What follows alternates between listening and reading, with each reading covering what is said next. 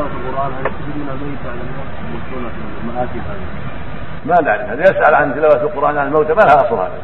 ويتلو القرآن الميت بعد ما يموت أو في القبر أو على الجنائز في القبر أو في الموتى؟ كل هذا لا أصل. له يعني قراءة القرآن على الموتى في المقابر أو عند دفنه أو في الليلة التي مات فيها يجلس الناس يقرؤون عليه هذا كله لا أصل.